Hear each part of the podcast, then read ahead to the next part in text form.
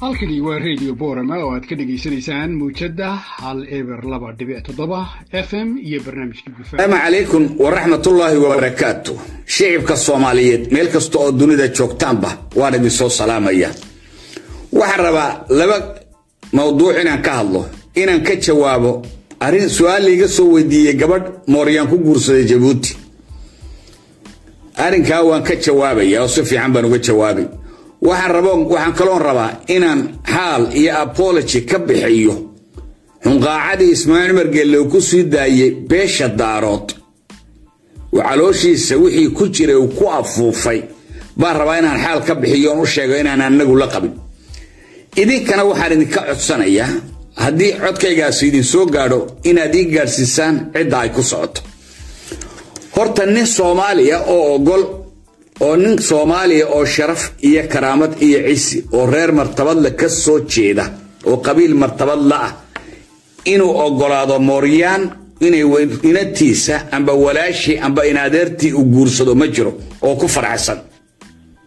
Waayo waaba mooryaan. Mooryaanna waa out of human dignity waa qof aan bilinimada bili-aadanimada waxba ka oqoon oo wayla sida waylka u nool marka wax farxad la yidhaahdaa warkeedaba daaye maalin dhexdaasa oon maqlay arrinkaas oon ka hadlo waxaa idhi ilaahagow riyo nooga dhig.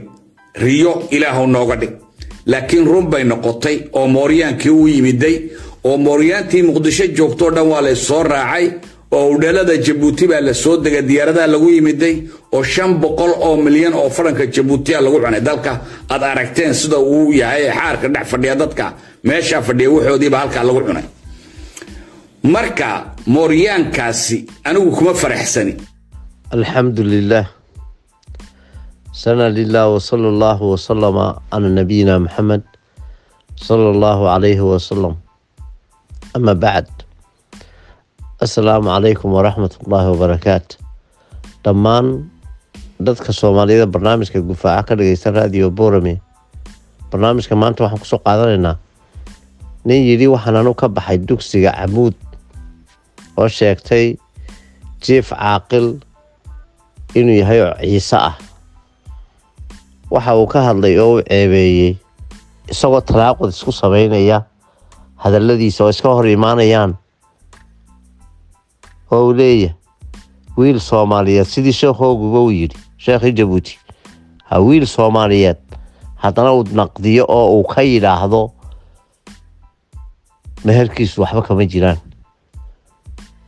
ninkanna wuxuu leeyahay waxaan ahay caaqil wuxuu ceebeynayaa uu caayaya madaxweynaha jabuuti mudane ismaaciil cumar geele. Walaalayaal ismaaciil cumar geele waa nin ummadda soomaaliyeed ay taqaano oo madaxweyne jabuuti ka ah. Noloshii ay ku jirtay jabuutina maanta nolol ka fiican buu u saaray. Waa good leader weeye waxyaalaha calaamadaha lagu garto waxaa ka mid ah liidarnimadana saddex waxyaalood marka lagu arko dadka wax tareengareynaya qofkaasi wuxuu noqdaa qof sida ay sheegeen nimanka aqoonyahanadii liidara labadan weliba diinta ay noo sheegtay. Qofki inuu ammaano leeyahay cabsida ilaahayna uu leeyahay. Waxay keenaysaa qofka muslimka inuu ogaado jabuuti halkay taagnayd iyo halkay maanta taagan tahay nolol ahaan ninka isku qiyaaso wey nimanka dharge qaylqaylya lagama hadlaye kursi nin ku haysta lagama hadlayo. Dadka jabuuti ku dhex nool noloshii ay ahayd jabuuti twenty years ago ten years ago iyo maanta waxay tahay inay dadku qiimeeyeen wey liidarka waxaa lagu gartaa saddex waxyaalood inuu yahay nin danaynaya dadkiisa oo og dhibaatada haysta. Nin nolosha ay ku jiraan nolol ka fiican u saaraya nin onosa walaalayaal jabuuti waynu naqaanay taariikh ahaan ismaaciil cumar geele ilaaha u naxariisto madaxweynihii horena wuxuu ahaan jiray mudane xasan guuleed absidoon.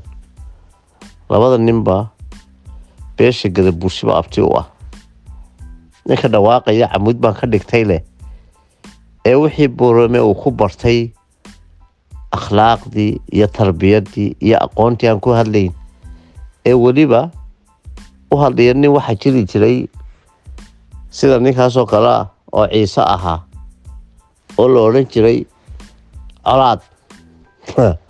Colaad macalin buu ahaan jiro sawiradii wuxuu ku sawiri jiray inuu dadka ardayda ku yidhaha malaa'ig baan sawiraya horta ninka hadlaya horta waa nin caqligaasoo kale la weeye ninka intuu kol la yidhaahdo waxaan leeyahay waa nin soomaaliyeed. Haddana mooryaan leh.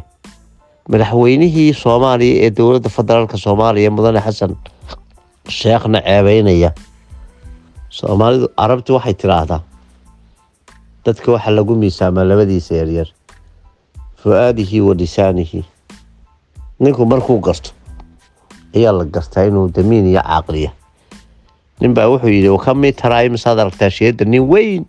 Oo iminka sawirkiisa iyo marka laynoo dhigayo ee uu hadlayo nin weyn oo caqli badan oo markuu hadlayo khatara oo kan weeyo kan weeyo buu leeyay.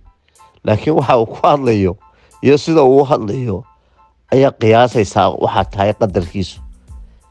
Xagee daarood lagaga hadlo ismaaciil kaga hadlay oo la hayaa dadku meelay ku gabadaan ma waayaan qof inay ceebeeyaan. Walaalayaal dadka muslimiintu waxaa loo baahaya inay ilaaliyaan saddexda waxyaalada diintu ay ilaaliso. Oo ay ugu horeysa maxay? Ay ugu horeysay qofka cirdigiisa in la banaysto shareecadu waa diiday. Dhiisiisana in xaqdarro lagu daadiyo way diiday. Waxaa kaloo diiday walaalayaal maalkiisa in layska dhaco. Ninkani cirdigii dad muslimiina oo madaxa ayuu rabaa isagoo weliba aqoonyaha sheeganaya reer sheeganaya inuu soomaalida gaadhsiiyo sidanaane sidanaane dhammaan dadka barnaamijka raadiyo borama dhegeysanay gufaaco wanigoo xaamid cali cilmiya assalaamu calaykum waraxmat ullaahi wabarakaatu